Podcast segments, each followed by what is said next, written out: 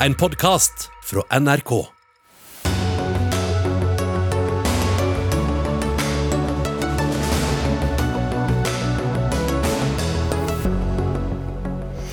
Rødt vil ha 48 milliarder i økte skatter. Ikke det Norge trenger, svarer Arbeiderpartiet. Hvem skal få bruke emneknaggen kroppspositivist? Tynne, hvite jenter bør ikke delta i bevegelser forbeholdt overvektige minoriteter, mener student. Apple skal skanne iPhoner og annet datautstyr for å hindre spredning av overgrepsbilder. Men teknologiekspert advarer. Og nyåpna skole har bare 16 elever. Jeg ville vært skeptisk til å sende ungene mine dit, sier ordføreren i Bergen, som mener regjeringa styrer med ideologiske skylapper. Ja, dette er noen av sakene i Dagsnytt 18 denne fredagen. Jeg heter Gry Veiby. Senterpartiet går på røvertokt, mener samferdselsminister Knut Arild Hareide. Hvorfor får du høre mer om snart, der vi også skal innom en evig het potet, nemlig kontantstøtten. Men vi begynner med økonomi, for i dag la partiet Rødt fram deres skatteopplegg for neste stortingsperiode. Det innebærer en kraftig økning av skattene, som skal gi hele 48 milliarder kroner mer i statskassa. Samtidig kritiserer partiet Ap for å ha inngått forlik med høyresiden om skattepolitikken i 2016. Men eh, Marie Sneve Martinussen, du er nestleder i Rødt. La oss først starte med det dere presenterte i dag. 48 milliarder kroner, hvor skal disse pengene hentes fra? Altså, bakteppet her er jo at forskjellene mellom folk i Norge holder på å løpe løpsk, og at vi har en regjering som har kutta skattene med 34 milliarder, hovedsakelig i form av rause skattegaver til de aller rikeste. Og så har de gjort opp regninga med å kutte i velferden til folk flest.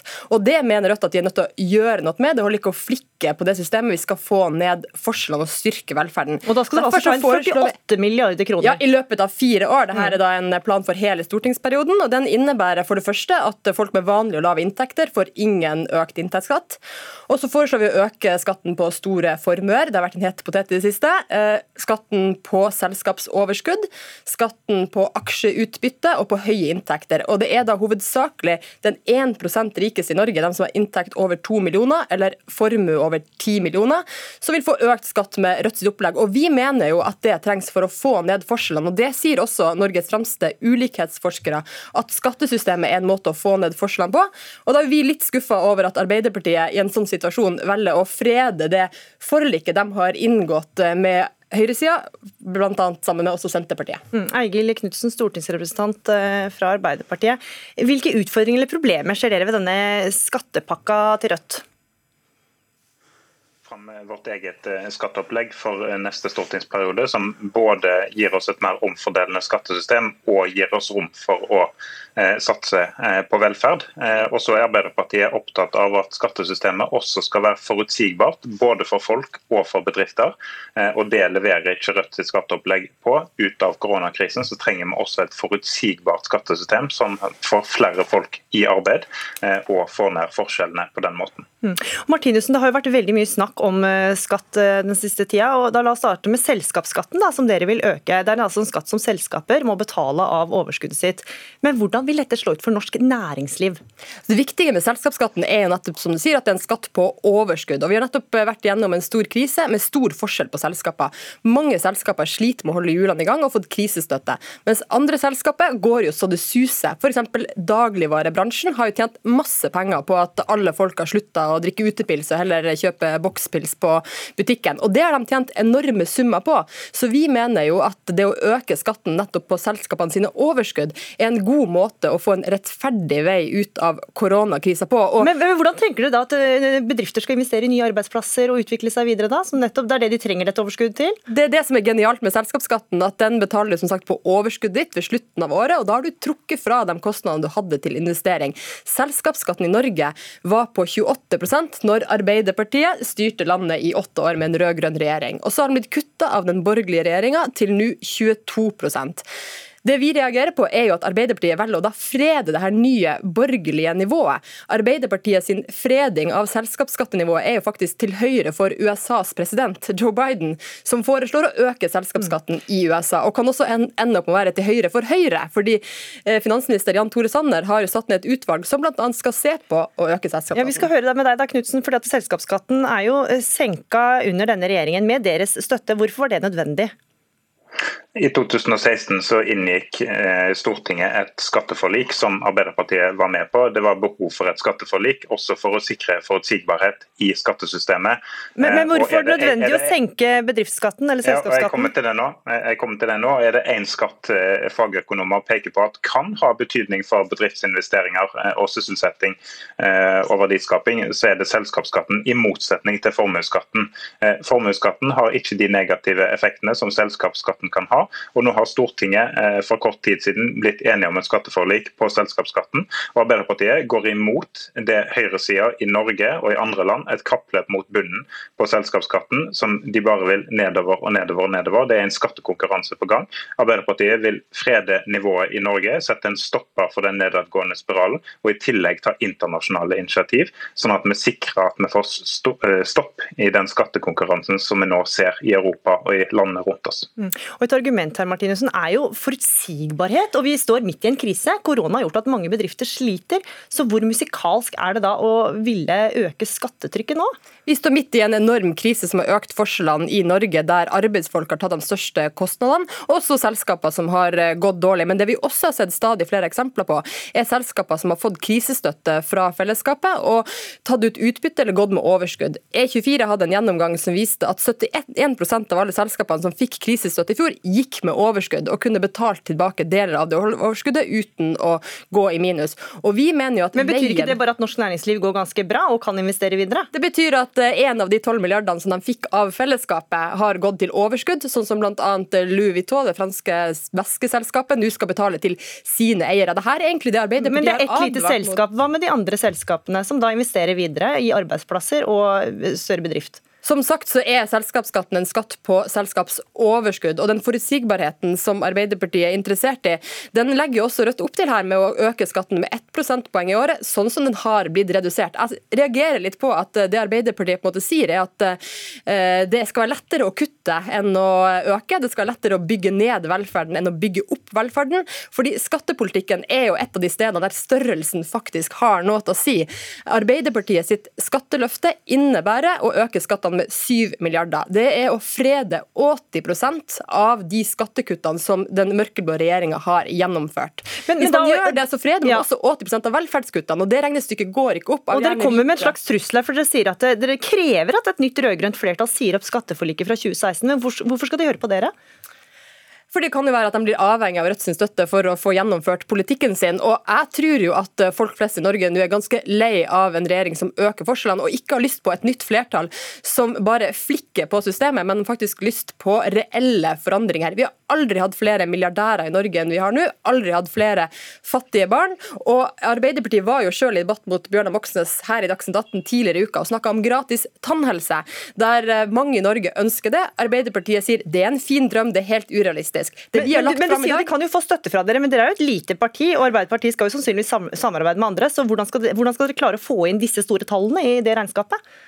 Som sagt så er det jo eh, velgerne i dette valget som bestemmer hvor stor eh, Rødt blir. Og det jeg tror er at mange av dem som i dag kanskje vurderer å stemme Arbeiderpartiet, blir litt skuffa når man hører at det Arbeiderpartiet sier til et så stor reform og så stort folkekrav som gratis tannhelse er, er at det er eh, en søt drøm for framtida, men det er dessverre urealistisk. Det vi har lagt fram i dag fra Rødt, er en plan som viser at hvis vi øker selskapsskatten tilbake til et nivå som er under det rød-grønne nivået, så kan vi betale helt gratis tannhelse for alle i Norge. Norge. Det er en visjon og en ambisjon som jeg tror folk i Norge vil ha. Ja, Eigil Knudsen, Dere også sier at det er vanlige folks tur. Dere skal hente penger til utdanning, tannhelsereform og, og helse. Hvordan skal dere klare det? Ja, og Våre budsjetter går opp. og Allerede eh, ved første budsjett så har vi planer om å begynne på en tannhelsereform og gi tre årskull gratis tannhelse og gi halv pris for alle opp til 25 år. Så Vi har tenkt å gå i gang med en tannhelsereform med en gang. Det vi ikke har tenkt til, er å samarbeide med Rødt eh, i eh, regjering. Rødt går jo også til valg på å ikke sitte i regjering. Men det kan jo bli avhengig av støtte, da? Ja, altså Arbeiderpartiet går til valg på en flertallsregjering sammen med SV og Senterpartiet. og Hvis velgerne gir oss tillit til det, så er vi klar for det. Rødt går til valg på å øke skattene med 50 milliarder, som de har sagt i dag. De ønsker å melde Norge ut av EØS. Eh, de ønsker å gjøre totalt om på skattepolitikken for oljebransjen, som ville ført til investeringstørke i landsdelen jeg befinner meg i. Så Deres skattepolitikk vil jo på sikt føre til færre arbeidsplasser og større forskjeller. Det ønsker ikke Arbeiderpartiet. Vi skal ha en aktiv næringspolitikk og en rettferdig og forutsigbar skattepolitikk. Det er det som skaper arbeidsplasser eh, og ny vekst i Norge ut av koronakrisen. Mm. Så trusselen om at de ikke kommer til å støtte dere om dere ikke vraker skatteforliket, ser ikke ut til å gå inn, eh, Eigil Knutsen, stortingsrepresentant fra Arbeiderpartiet, og Marie Sneve Martinussen, nestleder i Rødt. Takk for at dere var med i Dagsnytt 18.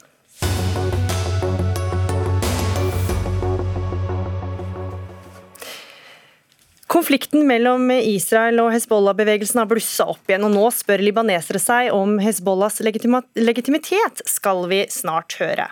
Men til en helt annen sak. For eh, som vi både har kunnet lese og høre her på NRK, snart åpner en ny skole i øykommunen Stord i Vestland. Og Vanligvis så blir jo ikke det noen stor nyhetssak av det, men akkurat denne skolen har bare 16 elever som skal deles inn i to små klasser. Og de har satt eh, fyr på debatten om hvor små skoler egentlig kan være. Og Marte Mjøs eh, Persen, du er stortingskandidat og ordfører i Bergen eh, og politiker fra Arbeiderpartiet. Du sier du ville vært veldig skeptisk til å sende ungene dine til eh, en skole med så få elever. Hvorfor det? Hovedsakelig av to årsaker vil jeg være skeptisk til å sende mine egne barn eh, til en så liten skole. Og Det første det handler jo om eh, læringsmiljøet, det faglige miljøet. Man blir veldig avhengig av den læreren man får. Og det handler om ressurssituasjonen som skolen skal ha. Man skal ha de samme faglige kvalitetene, utstyret, alt sammen. Men det viktigste det er jo kanskje det at alle vi som har barn i grunnskolen i dag, vi vet at eh, skolen og SFO er den aller viktigste arenaen for å få venner for barn i dag. Og på et så lite miljø så eh, er, er man veldig gitt at man greier å treffe noen som man klarer å bli venner med og knytte vennskapsbånd til. Mm. Det, skolen er i dag mye mer enn bare det å lære, mye mer enn det å ha det faglige. Man skal også bli et menneske, og man skal lære seg å leve sammen med andre mennesker, uavhengig av bakgrunn, uavhengig av religiøs tilknytning, ulike kjønn.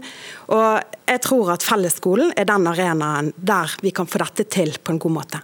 Stortingsrepresentant fra Høyre, Mathilde Tybring-Gjedde. Det er jo eh, regjeringa som eh, bestemmer hvor mange elever som kan gå på en skole gjennom friskoleloven. Så hvordan vil du vurdere en skole der det altså går bare 16 elever fra 1. til 7. klasse? Er det nok? Altså, hvordan kan du garantere at de får et godt nok faglig og sosialt tilbud? Altså jeg synes jo det høres umiddelbart eh, veldig lite ut. og jeg mener jo at en positiv del med å ha friskole er jo at det skal være mulig for et mindretall, altså andre enn meg og Marte Sjøs Persen, til å kunne velge en skole eh, til våre barn. Og Det betyr jo at man kan ikke være altfor streng med antallsbegrensning, så lenge man har strenge krav til kvalitet, gode lærere og faglig miljø. Eh, men så er jeg nok enig i at her må man følge ekstra med på at også det er godt læringsmiljø. Eh, og Der fører man jo tilsyn og er, er opptatt av at det skal være eh, godt, god trivsel, og man følger med på elevundersøkelsen. Mm. Nettopp for å sikre det. Men når det er så få, hvordan sikrer dere at tilbudet er forsvarlig? Ja, det føres jo tilsyn med og stille strenge krav med. så Det må man jo absolutt håpe at de har. Der har vi jo gode, gode rutiner på plass. Eh, men så vil jeg på en måte understreke at i Norge så har vi eh, opplæringsplikt, vi har ikke skoleplikt. Så at Alternativet for noen av disse elevene kunne f.eks. vært at man hadde hjemmeskole. Det er lov, eh, og da ville man ikke vært, møtt noen elever overhodet. Så det er en, på en måte et ønske om at man kunne ha mulighet til å kunne ha friskoler. Men så er jeg opptatt igjen av at man da faktisk følger ekstra opp på godt læringsmiljø. Mm. Persen, du sier at at regjeringa har ideologiske skylapper på når det gjelder privatskoler. Hva legger du i det? Vi snakker jo her om at eh, det er regjeringen, det er sentrale myndigheter som har eh, ansvar for å gi tillatelse eller ikke gi tillatelse. Og jeg mener jo at lokalpolitikere bør ha mye større mulighet til å vurdere det helhetlige skoletilbudet i sine kommuner. Og det kan være grunner for å ha små skoler enkelte steder som handler om andre ting enn faglige ting. F.eks. lang reisevei eller farlig reisevei, som vi ser noen steder her på Vestlandet bl.a.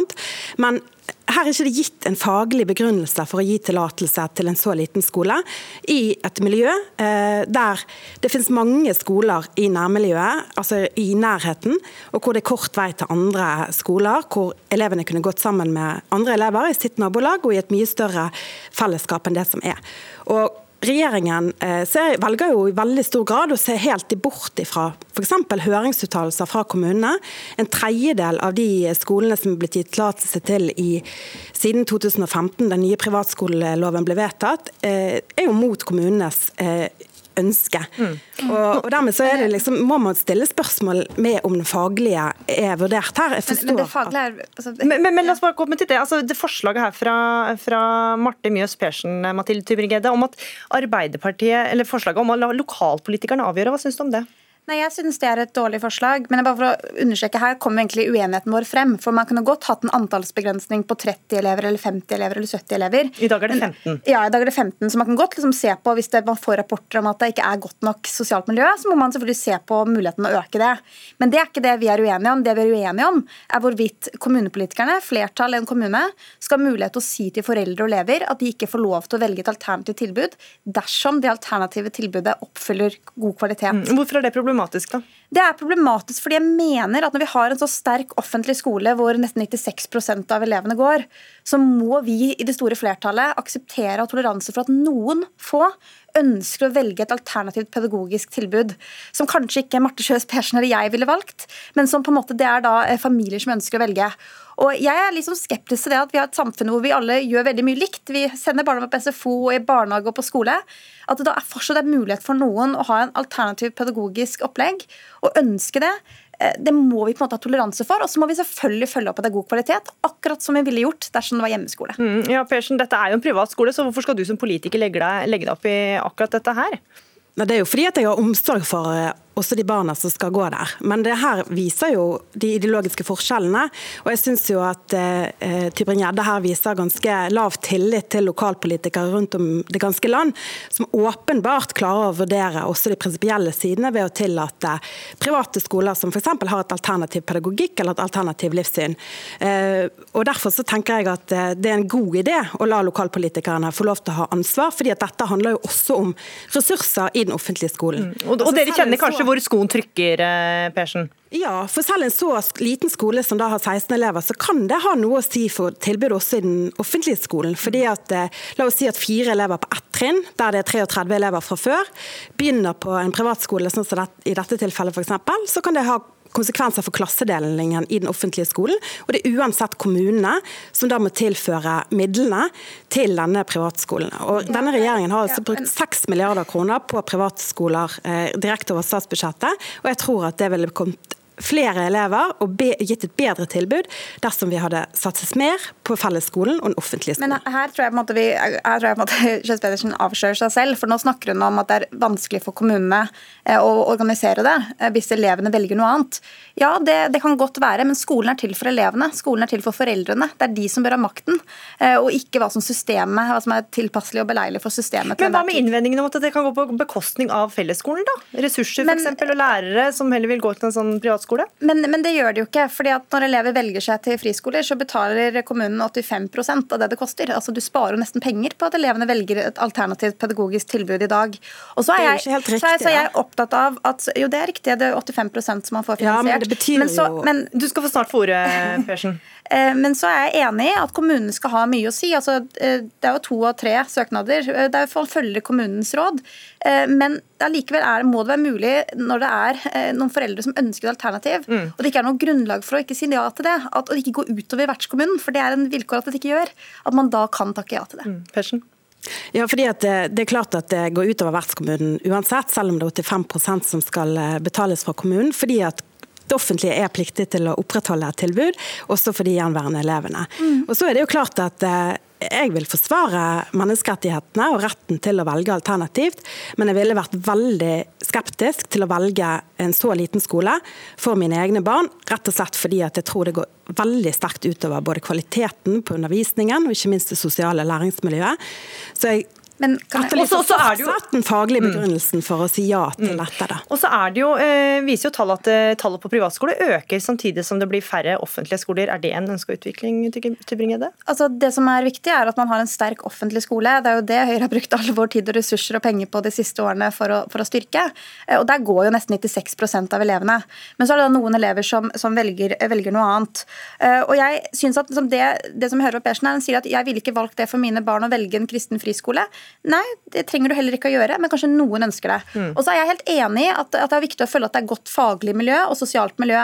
Eh, men da kan vi kan godt gjerne diskutere antallsbegrensning. Men det er jo ikke det Persen gjør. Hun argumenterer nå for at kommunen skal kunne ha vetorett over foreldrene og elevenes mulighet til å velge noe annet. Og det er der jeg opplever at vi, vår uenighet ligger. Mm. Og det blir helt sikkert en skoledebatt til eller, i Dagsnytt 18 den nærmeste tida. Marte Mjøs Persen, stortingskandidat og ordfører i Bergen for Arbeiderpartiet, og Mathilde Tybring-Gjedde, stortingsrepresentant fra Høyre. Takk for at dere var med i Dagsnytt 18.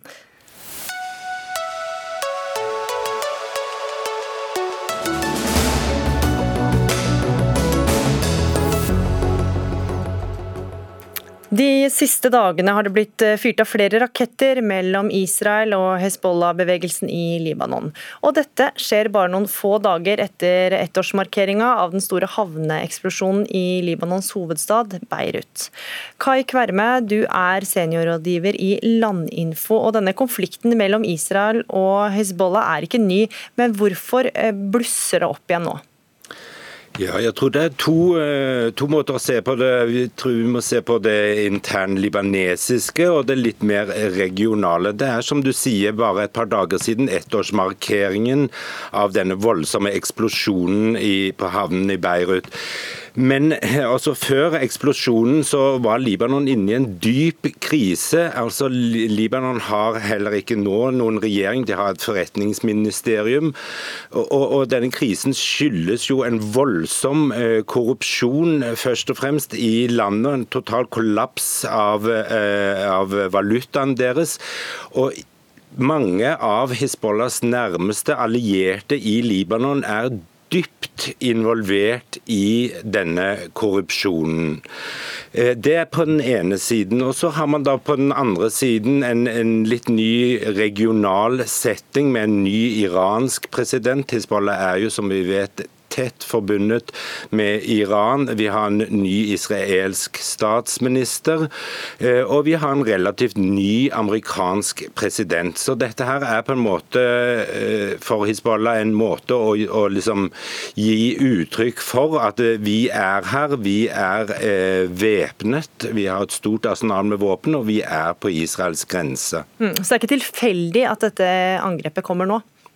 Nei, det er ikke tilfeldig eh, i det hele tatt. Disse tingene som Hizbollah foretar seg, eh, gjør de nøye gjennomtenkt. Som sagt, det er delvis nok for å få oppmerksomheten bort fra den eh, stadig vanskeligere situasjonen de befinner seg i i Libanon stadig sterkere motstand, der de før har kunnet forsøke å heve seg over de andre politiske gruppene og, og fremstå så mye renere og ikke blandet inn i korrupsjon, er de nå direkte soka inn i den samme korrupsjonen som de andre politiske gruppene er. Og så har man jo da som sagt denne, dette regionale aspektet ved, ved konflikten også. Mm. Hvordan oppfatter libanesere flest altså, angrepene fra Hizbollah? Jeg tror de aller fleste eh, libanesere er ganske oppgitt over dette. Og Det er jo veldig interessant å se på dette som skjedde tidligere i dag, der lokalbefolkningen i en landsby i Sør-Libanon omringet en bil med fire Hizbollah-medlemmer. Denne bilen hadde da blitt brukt til å avfyre raketter mot Israel. Og Lokalbefolkningen var rasende på disse her. Og den libanesiske hæren måtte rett og slett komme og redde dem ut. altså Under dekke av at de da arresterte disse som hadde fyrt raketter av mot, mot Israel, så var det jo i virkeligheten snakk om å redde dem nærmest fra å bli lynsjet av lokalbefolkningen. Så, så Hizbollah befinner seg i en veldig vanskelig situasjon mm. nå. Ja, for Det ble også nevnt da, den enorme havneeksplosjonen i Beirut. og Noen spekulerer i Hizbollahs innblanding i denne. og Hva har det å si for den nåværende situasjonen? Det er jo også veldig viktig. Man vet jo ikke om og Hizbollah har vært innblandet, og hvordan de har eventuelt vært innblandet. Men det vi vet, er i hvert fall at de har gjort sitt ytterste for å forhindre en objektiv granskning av det som skjedde.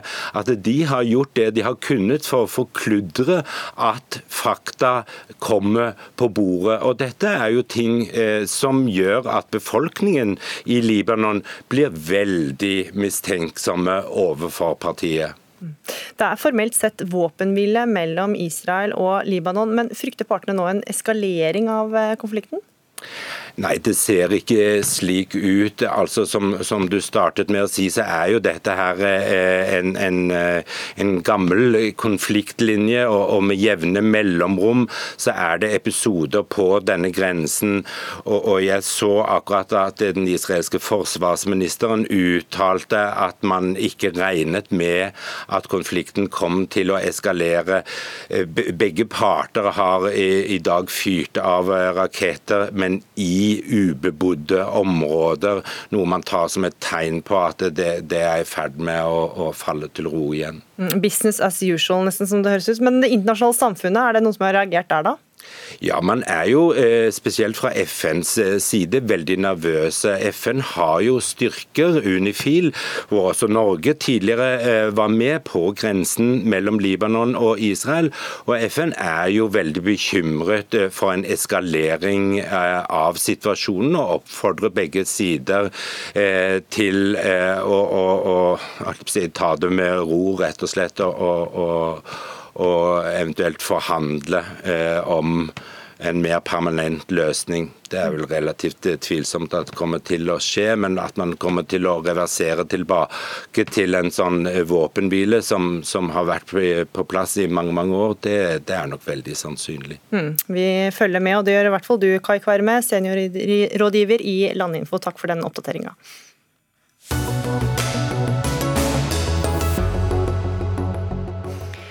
Ja, eh, Det er på tide å diskutere pengebruken på bymiljøpakkene. Det sier Senterpartiets nestleder Ola Borten Moe, som vil bruke mer penger på fylkesveinettet.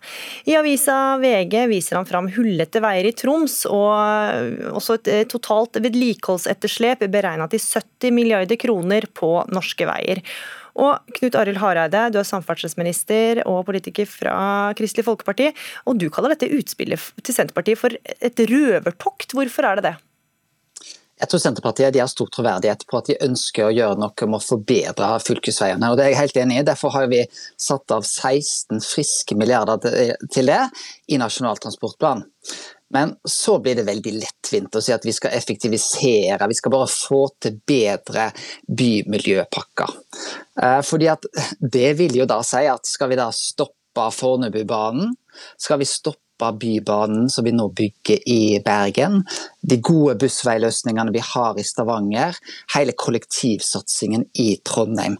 Det er ikke noen lettvinte løsninger. Det koster å bygge infrastruktur.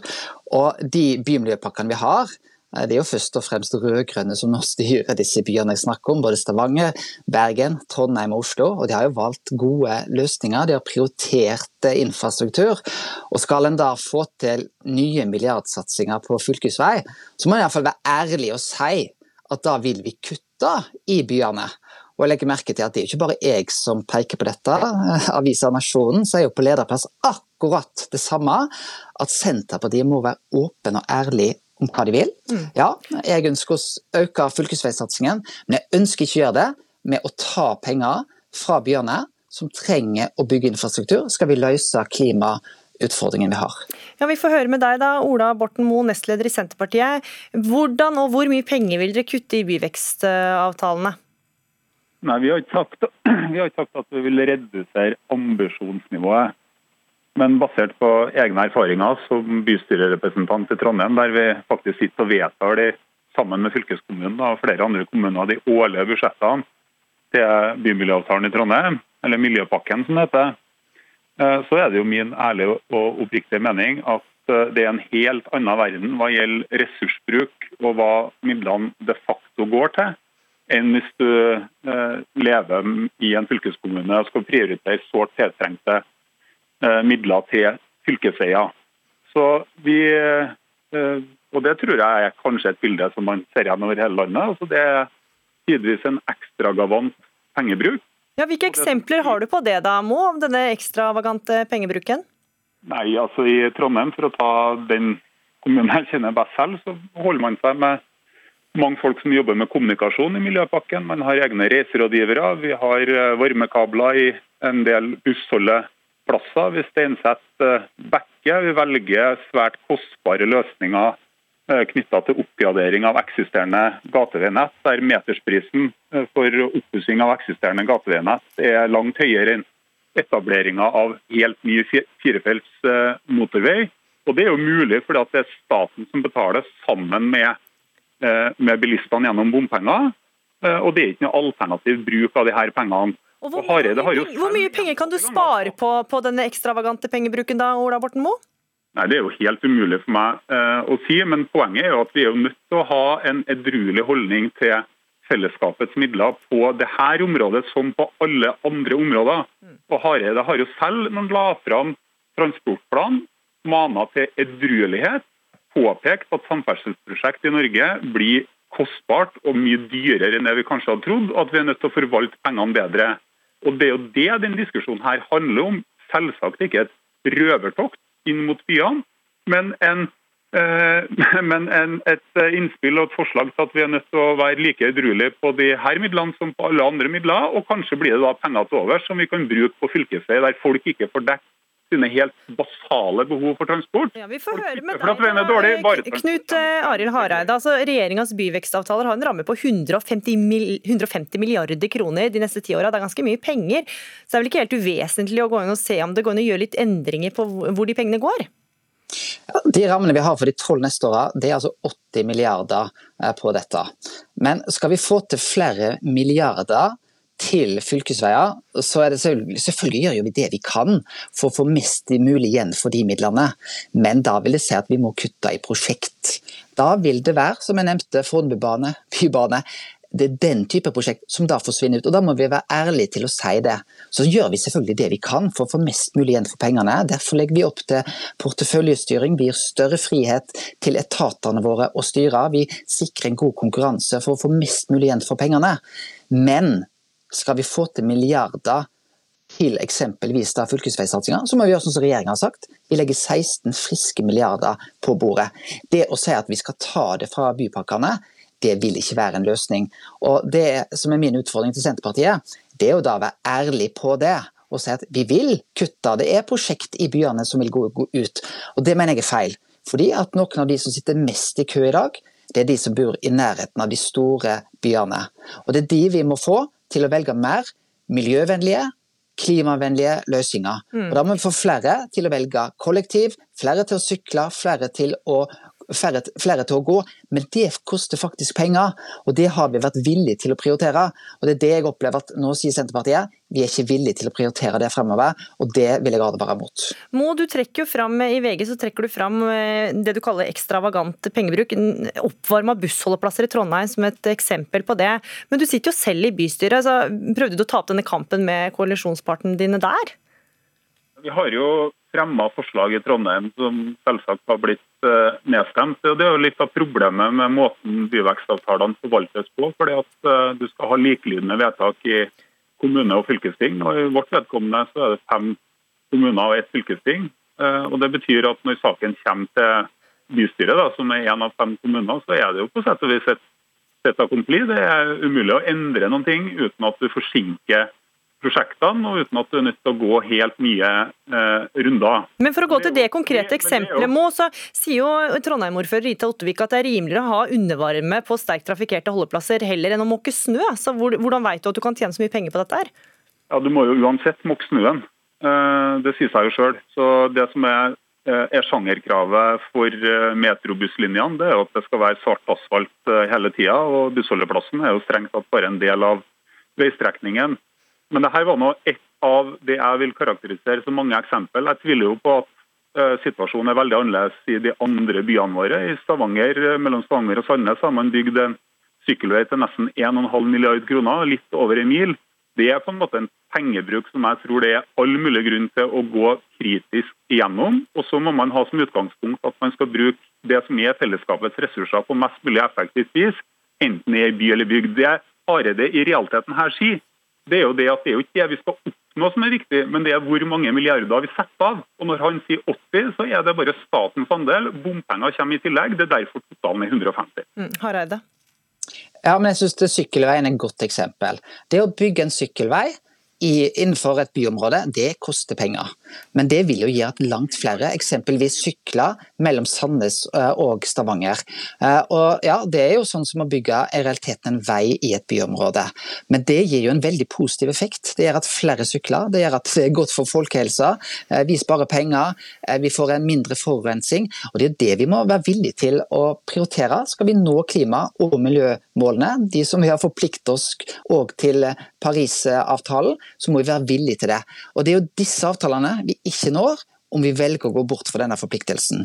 Og så vet vi at det er store utfordringer i Distrikts-Norge. Mm. Men noen av de som har de største utfordringene knyttet til infrastruktur, det er de som bor i de store byene, og ikke minst som bor i randsonen av de store byområdene. Og da mitt, og mitt uh, siste spørsmål til deg, Ola Borten Moe. Altså, du får jo kritikk for at du skaper et kunstig skille mellom by og land. Hva sier du til det?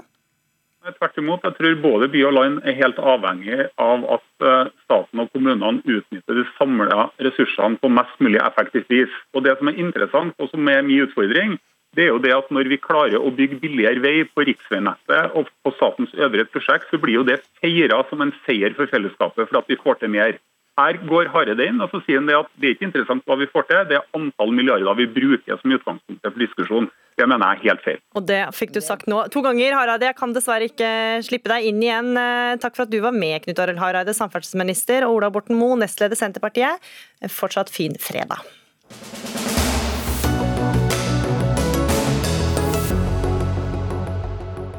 Ville du vist alle bildene på telefonen din eh, til noen du ikke kjenner? Ja, det kan snart skje, skal vi få høre snart. Men nå skal vi til en eh, het potet, stadig het potet, eh, nemlig kontantstøtta. For flertallet i folket ønsker å beholde kontantstøtta, skal vi tro en fersk undersøkelse gjort av Sentio for avisa Klassekampen. Der svarer eh, litt over 50 at, av de spurte at de ønsker å beholde støtten, men det imponerer ikke dere, Anette Trettebergstuen, du er stortingsrepresentant fra Arbeiderpartiet. Hvorfor vil dere fortsatt skrote den, når denne meningsmålingen sier at mange vil ha den? Ja, For å ta målingen først, da. Eh, jeg tror at Hvis jeg hadde sagt til deg at eh, det var tatt opp en, en spørreundersøkelse, og 50% av, altså halvparten av befolkningen ville avvikle en velferdsordning i Norge, så ville det hørt veldig oppsiktsvekkende ut. Og det er jo dette her også. Kontantstøtten er en velferdsordning. Eh, bruker vi en velferdsordning selv, så er vi positive til den, eller i beste fall nøytrale. Men altså halvparten av befolkningen vil avvikle kontantstøtten. Det er jo det som er oppsiktsvekkende med denne undersøkelsen. Og det er jo ikke noe rart. Vi har sett at eh, kontantstøtten den har synkende oppslutning, og den eh, brukes av stadig færre. fordi at det vanlige folk vil ha, er jo en barnehageplass til en billig penge og en barnehageplass som er tilgjengelig når de vil ha den. Nå er det 11 000 som mottar kontantstøtte i dag. 6000 eh, står i barnehagekø. Og jeg vil jo tro at 6000 av de bruker kontantstøtten som en ventestøtte. Så Arbeiderpartiet vil jo selvfølgelig fortsatt avvikle kontantstøtten, og det er nettopp fordi at eh, folk vil ikke ha den. Eh, men så har den store negative konsekvenser for samfunnet eh, på strukturnivå. Dårligere integrering, den hindrer arbeidslinja og likestilling. Mm, Kjell Ingolf Ropstad, leder av Kristelig Folkeparti. Dere klappa dere på skuldrene av denne undersøkelsen, og det er gode tall for dere, men det er kanskje ikke grunn til å være så fornøyd allikevel? Det er jo et velferdsgode, som Trettebergstuen sier. altså, jeg forventer jo ikke at Arbeiderpartiet styrer politikken etter meningsmålinger. så, så at de som tross alt har vært mot kontantstøtten hele tida, ikke endrer syn. Det er ikke overraskende, men, men jeg tar det som stor inspirasjon. fordi det har jo vært en debatt om kontantstøtta i veldig lang tid. Det har vært en kritikk, særlig fra venstresida, men nå òg fra partiet Venstre og Høyre, som ønsker å fjerne kontantstøtta.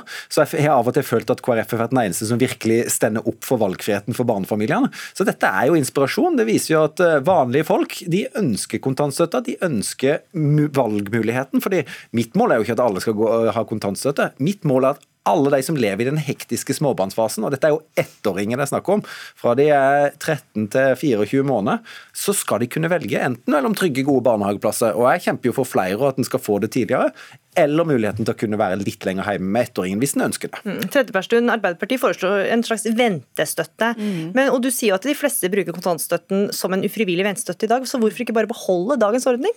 Nei, fordi at eh, politikk det, det handler eh, om å ta noen eh, valg som ikke bare påvirker enkeltpersoners liv, men også samfunnet i sin helhet. Og, og bare så lenge Kjell Ingolf og KrF og Høyre har sittet i regjering nå i åtte år, så har seks ulike ekspertutvalg i hver sine NOU-er påpekt at kontantstøtten har uheldige konsekvenser, og de har konkludert med at den bør avskaffes. Seks ekspertutvalg konkluderer altså med dette her.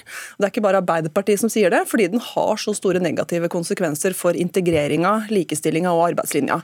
Og Poenget er jo at eh, i en ideell verden så kunne du kanskje sagt at jo, men da kan folk få penger for å være hjemme ett år til etter de har vært hjemme et helt år på foreldrepermisjon. Men, men det handler jo om å prioritere. Vi bruker altså 1,9 milliarder kroner hvert eneste år på en ordning som veldig få vil ha, som har synkende oppslutning og som er synkende i bruk. Den, bruken av kontantstøtten sank med 20% bare fra 2018 til 2019. Og da sier vi det er dårlig bruk av penger, som i tillegg får store negative konsekvenser på strukturnivå. Da vil vi bruke de pengene på billigere barnehageplasser, full utbygging, sånn at folk får barnehageplass. Og Ropstad, Det er jo tilbud som benyttes av få, som ble poengtert. altså Knapt 30% av barna i den aktuelle aldersgruppa som mottar kontantstøtte, bruker den altså. Så det er jo ikke så mange som bruker det. Ja, men, men, men, flertallet ønsker at han skal være der. Flertallet ønsker valgfriheten. og som sagt, Mitt mål er jo ikke at alle skal velge kontantstøtte. Mitt mål er at det er foreldrene som skal bestemme sjøl. Min frykt med Arbeiderpartiet i regjering det er at de skal sitte her i Oslo og, og styre mer og mer av det familiene skal bestemme. Vi har fått en rigid tredeling av fødselspermisjonen. Det kan ikke foreldrene bestemme. Vi var mot det eneste partiet som stemte mot. Eh, de fjerner kontantstøtta. De, de, de, de, har jo ikke visjonen for at foreldrene skal bestemme sjøl. Foreldrene er de viktigste i barns liv. De må vi ha tillit til at tar kloke valg. Men når det gjelder økonomi, husk at 7500 kroner i måneden bruker vi på kontantstøtta. En barnehageplass subsidieres med 150 200 000 i året. Dette er ikke et regnestykke som går opp på samme måte som det Trettebergstuen sier. Og, og det interessante er at når vi økte kontantstøtta, for vi har jo økt den i løpet av perioden, som KrF er veldig stolt av, for det gir mer valgfrihet, så var det heller ikke sånn at det viste seg at innvandrerkvinner hadde mer problemer med å komme ut i arbeid. Og Mira-senteret eh, skrev jo nettopp i dag en kronikk i, i Klassekampen der hun skriver og de, de støtter kontantstøtta fordi det er med andre ting som er utfordringer for innvandrerkvinner. Men du snakker, om, du snakker om valgfrihet, Ropstad, men 7500 kroner er jo det man får for denne støtta. De fleste tjener jo mer enn dette her. Eh, så hvor, hvor reell er den valgfriheten? Ja, altså, eh, det, det, er en reell valgfrihet, fordi for veldig mange så er det dette som gjør at de kan velge annerledes. Og så er det noen måneder du velger det av livet, og det er ikke veldig mange barn det kan si dessverre vi får. Eh, så i snitt så er det vel 1,5 nå.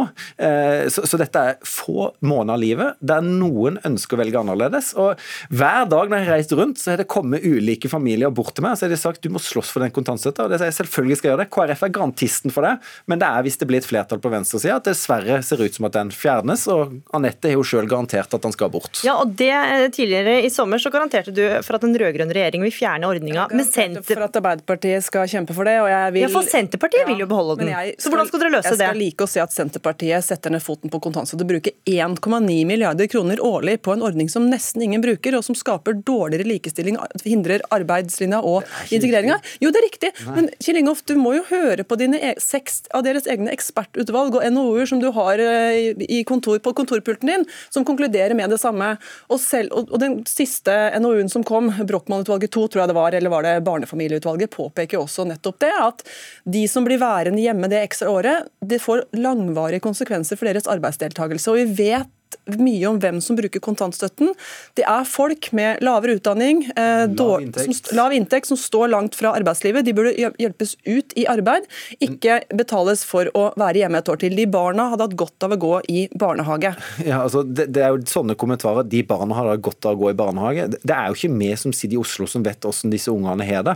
Det er så ulike ettåringer. Eh, noen springer av gårde, andre lærer ikke å gå før de er 15-16-17 måneder. Noen er språk, noen er ikke språk i det hele tatt. Dette må vi ha tillit til at foreldrene vet best. og Det er det, er det som er utfordringa med Arbeiderpartiet sin politikk. De har ikke tillit til småbarnsfamiliene. Og, og faktisk er det sånn at det er andre utfordringer når det gjelder integreringa som vi må bli bedre i. Derfor er jo integreringsløftet som er gjennomført, både med bedre språkopplæring, det å sikre folk utdannelse, det er det som er det strukturelle som vi må gjøre. Det er ikke kontant, det å fjerne kontantstøtta jeg er helt sikker på bare vil bidra til at enda flere mennesker kommer i fattigdom, enda flere barn vokser opp i familie med, med fattigdom. At, at KrF og du bedre enn seks av deres egne ekspertutvalg som konkluderer med at den må bort. Vi, vi, vi er ikke noen dom, overdommere over enkeltfamilien sine valg. Du sa jo nettopp at barna har godt av å være i barnehage. Ja, men det, det, påpeker jo nettopp ekspertene. At det er de ungene som helst kunne vært i, i barnehagen, blitt sosialisert, lært seg språk osv.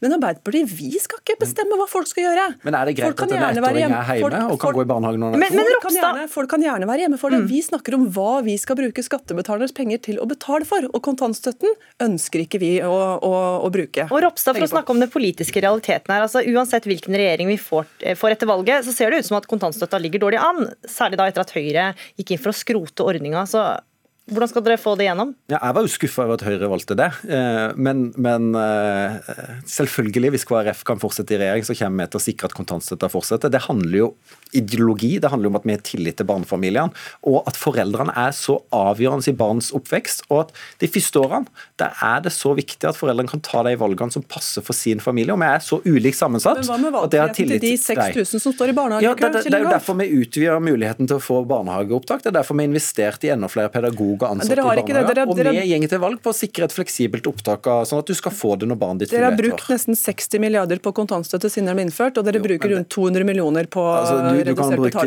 flere hundre milliarder på barnehage. det sier litt om hva prioriteringen er. jeg kalte denne debatten en het potet, og det blei det virkelig. Anette Trettebergstuen og Kjell Ingolf Ropstad, takk for at dere var med.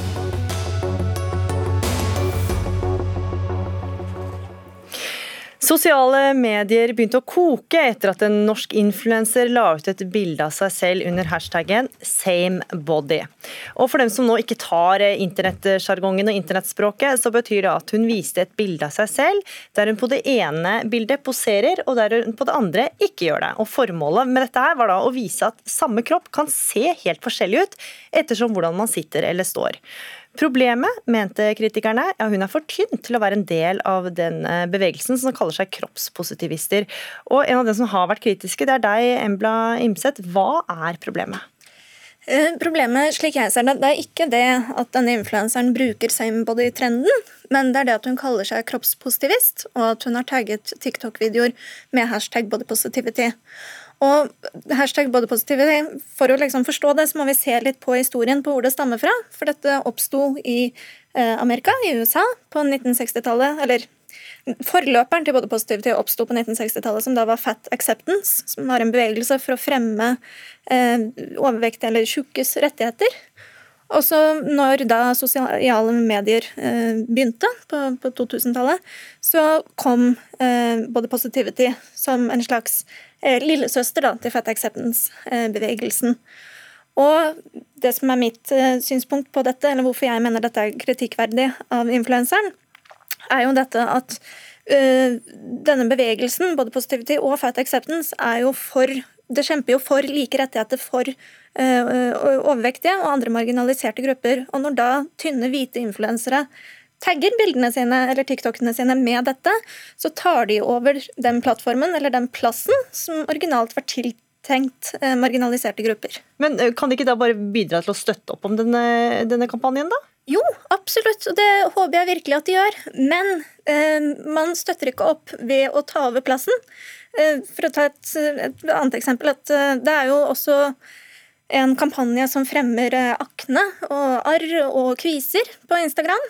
Og det blir litt sånn som om jeg, da, som ikke har akne, skulle lagt ut bilder av min hud og hashtagget det da med samme hashtag som de bruker på aknebildene. For da vanner det ut begrepet? Yes. Mm. Stellan Hjelpseth Gjerpseth Østli, eh, du har også kasta deg inn i denne debatten og er en av dem som reagerer på kronikken til eh, Imset i nettavisa Skjønn. Vi har legget et bilde av deg selv i bar overkropp. og Hva er det som får deg til å reagere?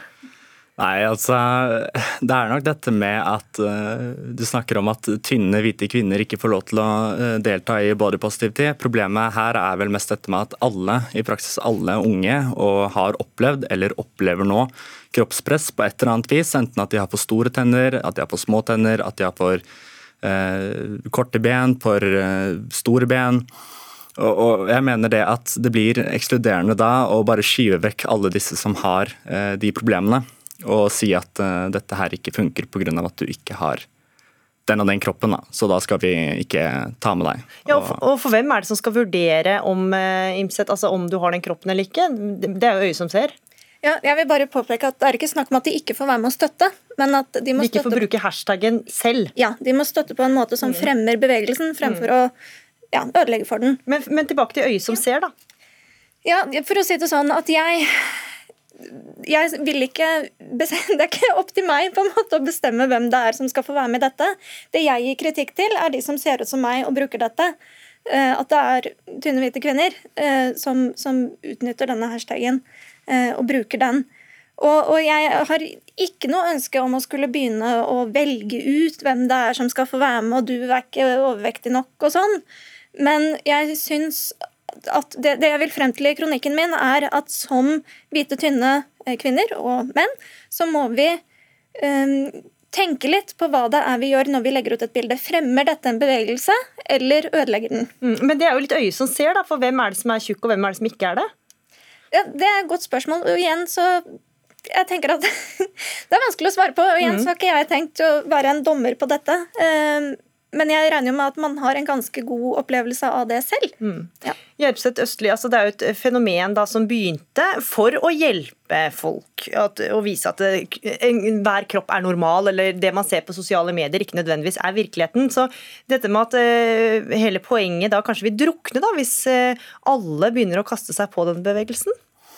Jeg kan, jo, jeg kan jo se argumentet, men også når Imseth velger å si da at uh, jeg skal ikke være en dommer på hvem som er uh, tjukke og tynne, og likevel skriver at tynne hvite ikke skal kunne få lov til å bruke hashtaggen, det mener jeg uh, blir feil sånn sett. Jeg mener at alle skal kunne få lov til å delta fordi alle har en form for uh, kompleks overfor sin egen kropp, og da mener jeg det blir feil å si at um, man ikke da kan delta i den bevegelsen. Mm. Kun da henvise til andre. Mm. Uh, ja. Og så er det jo en bevegelse som starta i USA, et samfunn som er ganske annerledes enn Norge. sånn at det, Man kan jo regne med at også bevegelsen tar en litt annen form her i Norge enn den gjør der, da. Ja, men jeg tenker det er snakk om en internasjonal hashtag. eh, og jeg gjorde et lite forsøk i går, eh, hvor jeg søkte opp hashtag badepositivity. Og av de første 80 bildene som kom opp på Instagram, så var fire av ikke-hvite kvinner. eh, og det var åtte som var, for å si sånn, da, utenfor det man tenker på som en normkropp. Eh, og jeg Man kan jo da argumentere for at ja, det kan være litt forskjeller i Norge eh, og i USA. Men jeg har snakket med eh, f.eks. Eh, Karina Karlsen, som er eh, Hun har studert dette, så hun er jo fagperson, og hun er også overvektig. Og, og flere andre overvektige som ikke tør å uttale seg om dette, og som har gått vekk fra både positivity-bevegelsen fordi de ikke vil bli assosiert med det. Fordi det er tatt over av, av tynne, eller no, folk med normkropp, da. Ja, hva sier du til det? Kan jeg bare få Mm, ja. Ja. takk. For når jeg sier tynne, bare sånn at jeg er helt klar for det jeg har fått litt tynn for, så tenker jeg da folk med normkropp. Jeg mener ikke undervektige. Ja. Mm. Ja, hva sier du til det, Gjerpseth Østli? At de som denne her bevegelsen kanskje skulle omfavne, ikke vil være med på den fordi de føler seg litt ekskludert? Jeg mener jo det er eh, deres valg sånn sett. Jeg har jo fått opp veldig litt motsatt av deg. Jeg får jo ofte opp mange influensere på TikTok som gjerne har eh, overvekt, og uh, bruker bl.a. body positivity som hashtag. Um, men jeg føler jo, altså, jeg har også et lite spørsmål bare dette med hudfarge. Hvor kommer alt dette opp i det Ja. saken? Fordi jeg, jeg skjønner ikke helt hvorfor man da skal drive og ekskludere hvite, tynne folk fra denne debatten. Det mener jo jeg blir litt rasisme, nesten. Ja, Der er jo du og jeg litt uenige eh, om dette. Og jeg mener jo at hudfarge gjennomsyrer jo hele samfunnet vårt. At det er jo med i alle debatter, i feminismedebatt, i pride og i dette. Og spesielt med denne bevegelsen her, så ble den ført videre av melaninrike queer eh, kvinner og menn. Og Skeive, mm, ja, mm. takk. Og eh, transkvinner og menn. Og som hvit person, egentlig uansett hva vi snakker om, men som spesielt har en tilknytning til marginaliserte grupper, som da melaninrike, så syns jeg det er så viktig å huske på, og det er det jeg vil frem til i kronikken min, at man som hvit, jeg da som hvit kvinne eh, lar disse også komme til, istedenfor å ta opp plattformen som originalt var tiltenkt dem. Jeg ønsker jo bare å si det kjapt. Eh, hvis vi skal følge definisjonen her, da, f.eks. Amnesty mener jo at rasisme går på bakgrunn bl.a. av hudfarge. Eh, og Da kan man se på den der at det går uansett begge veier. Jeg mener at Hvis man da skal likestille et samfunn, hvis man da skal ha like rettigheter osv., så, videre, så kan man ikke forskjellsbehandle folk ved å f.eks. si at hvite bare er privilegerte. Og her går vi inn i en helt ny debatt som Ja. dere skal få lov til å fortsette å ta utafor studio. Takk for at dere tok eh, denne delen av sosiale medier-debatten, som jeg vet opptar mange. Embla Imset og Stellan Gjerpseth Østli.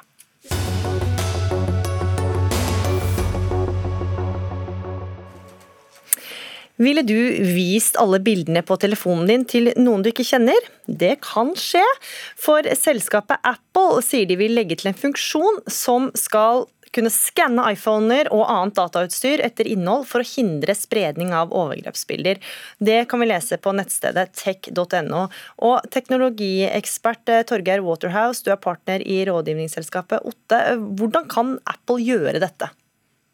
Ja, det har de helt enkelt tenkt å gjøre på to hovedmåter. Det ene er at de meldingene du har, som går via deres system, de, der vil de analysere bilder for å se etter om dette er nakenbilder eller ikke. Når jeg sier se, så mener jeg datateknisk se, ikke med øyne. Og de vil også matche disse bildene opp mot kjente lister over bilder som er overgrepsmateriale. Så det handler om en teknisk skanning av meldinger til og fra deg for å vurdere om det her kan forekomme overgrepsmateriale, og så agere basert på det. Og Ordninga er ment å basere seg på alle som da har en eh, iPhone. Ja, Det er riktig, og i første omgang USA. sånn at Det er ganske viktig å ha med seg at det er stor forskjell på USA og Europa når det gjelder lovgivning rundt bl.a. personvern. Og Bakteppet her er jo at det er et stort problem med overgrepsmateriale og bilder av, av overgrepssituasjoner. Og, og Det er mange, mange mange bilder og millioner av bilder som blir stoppet hvert år på forskjellige tjenester og datalagringssystemer. Så dette er noe som foregår. Det som er spesielt her, er at Apple ser for seg å bringe det inn i meldingstjenesten. Og i tillegg, hvis du er under en gitt alder, også varsle foreldre dersom eh, noe foregår. Men hvilke svakheter ser du ved, ved dette, denne tenkte funksjonen? Ja, det er selvfølgelig flere av de opplagte og vanlige problemstillingene. Det handler om personvern, det handler om hvem som skal ha innblikk i hva, det handler om i hvilken rett eh, en aktør som Apple altså Satt veldig på spissen vil vi at eh, moral og, og familie og verdisyn i USA skal være førende for hva du og jeg kan sende til hverandre? Eller, eller vil vi at det skal gå via rettsvesen og andre mer uavhengige kilder og systemer?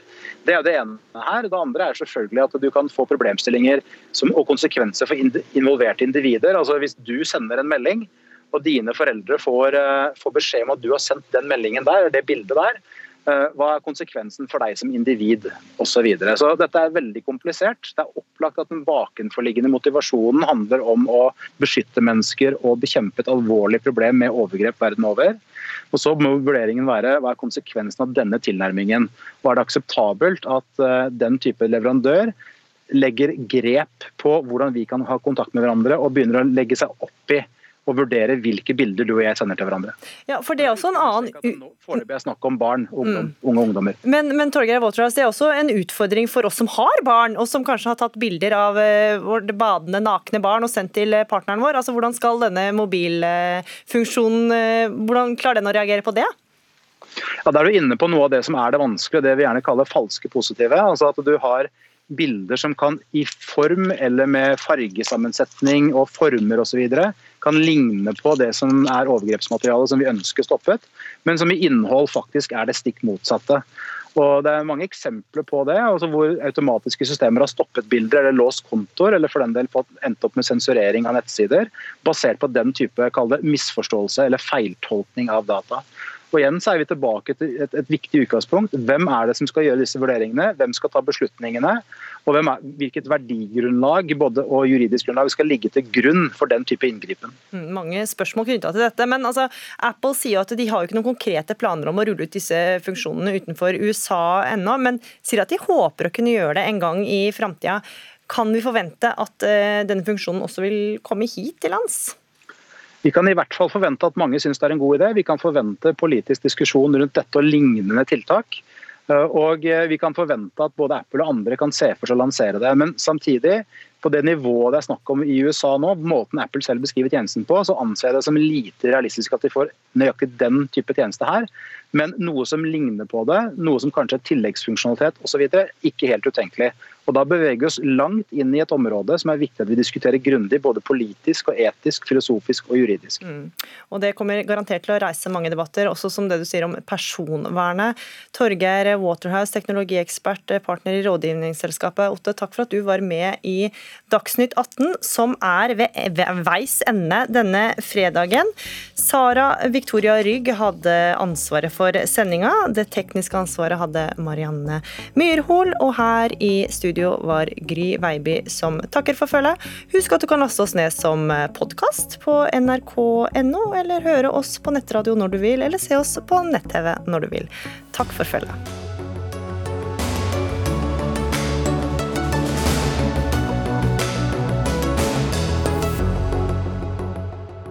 Du har hørt en podkast fra NRK. Hør flere podkaster og din favorittkanal i appen NRK Radio.